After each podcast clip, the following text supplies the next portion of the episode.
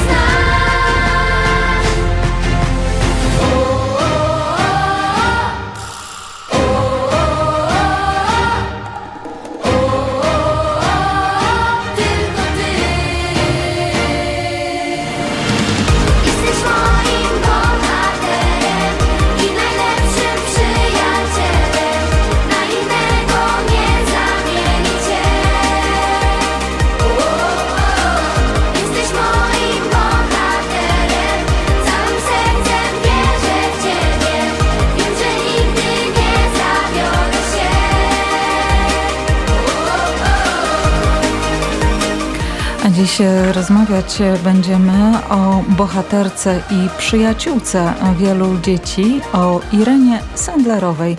Dominiko, kim była Irena Sendlerowa? Irena Sendlerowa była polską działaczką społeczną, która w czasie II wojny światowej dokonała rzeczy niemalże niemożliwej. Wraz ze swoimi współpracownikami uratowała około 2,5 tysiąca żydowskich dzieci z getta w Warszawie. Swoje zamiłowanie do niesienia pomocy innym i zainteresowanie polityką Irena wyniosła z domu rodzinnego. Jej tato wpoił jej dwie ważne zasady, które stały się drogowskazem w jej późniejszym życiu i działalności. Po pierwsze, że ludzi należy dzielić na dobrych i złych. Rasa, pochodzenie, religia, wykształcenie, majątek nie mają żadnego znaczenia – tylko to, jakim kto jest człowiekiem. A po drugie, że tonącemu trzeba podać rękę, nawet jeśli samemu nie umie się pływać. Życie według tych zasad w okupowanej Polsce nie było jednak łatwe. Najpierw omal nie ukończyła polonistyki na Uniwersytecie Warszawskim. Za protestowanie przeciwko gettom ławkowym została zawieszona w prawach studenta. A czym były getta ławkowe? Była to forma dyskryminacji żydowskich studentów. Nie mogli oni podczas zajęć zasiadać w dowolnych ławkach, ale wyłącznie w wyznaczonych dla nich miejscach. Wszystkie osoby, które nie chciały dostosować się do tych przepisów, były dotkliwie karane. Irena w tym czasie nie tylko stawała w obronie swoich koleżanek i siadała na zajęciach w ławkach przeznaczonych dla Żydów, ale również skreśliła w swoim indeksie studenckim, czyli dokumencie potwierdzającym bycie studentem i zawierającym oceny ze studiów, zapis o tym, że przynależy do strony nieżydowskiej. Za te działania została na trzy lata wykluczona z życia uniwersyteckiego. A niedługo później wybuchła wojna.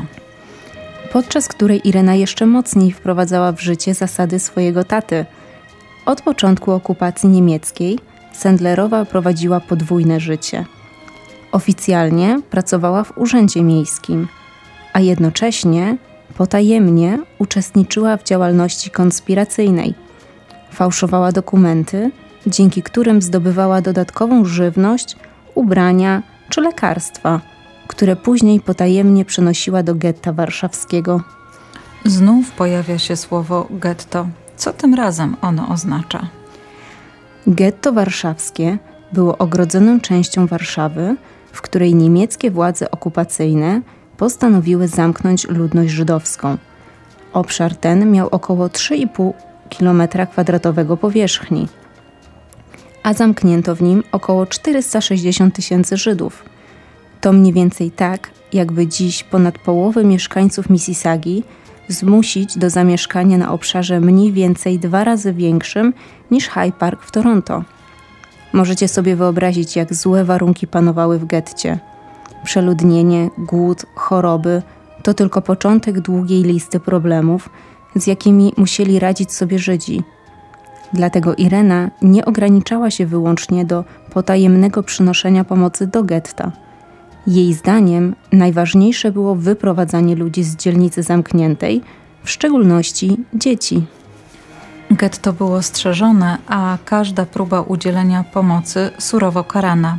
Zatem w jaki sposób Irenie udawało się wyprowadzić dzieci?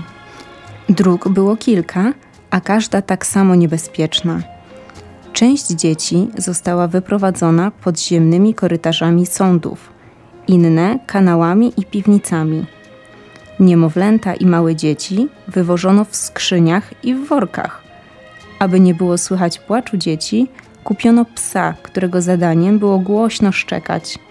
Część dzieci otrzymała środki nasenne. Sekret nie mógł się wydać, ponieważ porażka misji ratunkowej oznaczała nie tylko ogromne niebezpieczeństwo dla Ireny i innych działaczy, ale również koniec niesienia dalszej pomocy. Dzieci, wyprowadzone w ten sposób z getta, otrzymywały fałszywe dokumenty z polskimi imionami i nazwiskami i umieszczane były wśród polskich rodzin lub w ośrodkach opieki. Często musiały w krótkim czasie nauczyć się języka polskiego i nieznanych im dotąd katolickich modlitw. Gdyby zostały złapane przez żołnierzy, w ten sposób mogły udowodnić swoje polskie pochodzenie. A czy w ten sposób uratowane dzieci odnalazły kiedyś swoje rodziny? Tutaj po raz kolejny Irena Sendlerowa okazała się wspaniałą organizatorką. Na bibułkach zapisywała prawdziwe dane dzieci, ich nowe tożsamości oraz miejsce zamieszkania. Takie kartoteki chowała w słoiku, a później, ukryte w butelkach, zakopała pod jabłonką na podwórku. Po wojnie lista z danymi dzieci została wydobyta i umożliwiła ocalałym odnalezienie swoich rodzin. Za swoją odwagę i niesienie pomocy w czasie wojny Irena Sendlerowa otrzymała wiele wyróżnień, w tym przyznawany przez dzieci Order Uśmiechu i tytuł Sprawiedliwej wśród Narodów Świata. Sposób, w jaki Sandlerowa uratowała informacje o wyprowadzonych z getta dzieciach, stał się tematem przewodnim projektu szkolnego grupy amerykańskich uczennic. Historia z ukrywaniem informacji o ratowanych dzieciach zainspirowała grupę licealistek ze Stanów Zjednoczonych do stworzenia sztuki teatralnej pod tytułem Życie w słoiku, opowiadającej dramatyczną historię Sandlerowej. Działania dziewcząt sprawiły, że postać i dokonania głównej bohaterki stały się znane na całym świecie. Życie w słoiku to niezwykle trafny tytuł. W tym słoiku zmieściło się około 2,5 tysiąca historii życia dzieci uratowanych z getta. I choć Irena Sendlerowa uratowała tak wiele istnień, do końca powtarzała, że to za mało. To wszystko, co przygotowałyśmy na dzisiaj. Do usłyszenia mówią Dominika i Agata.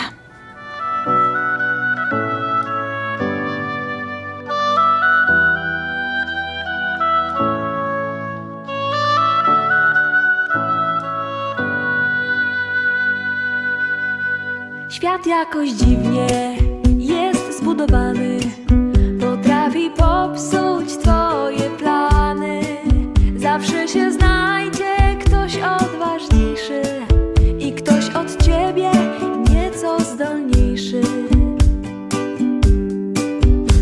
tacy, którzy lepiej śpiewają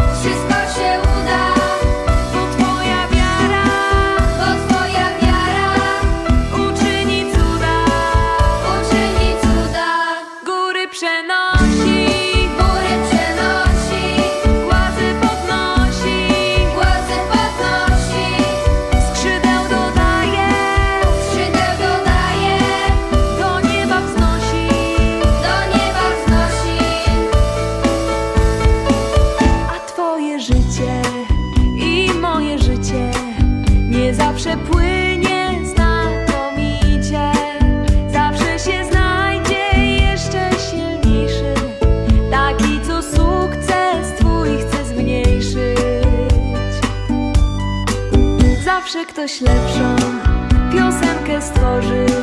Szybciej od ciebie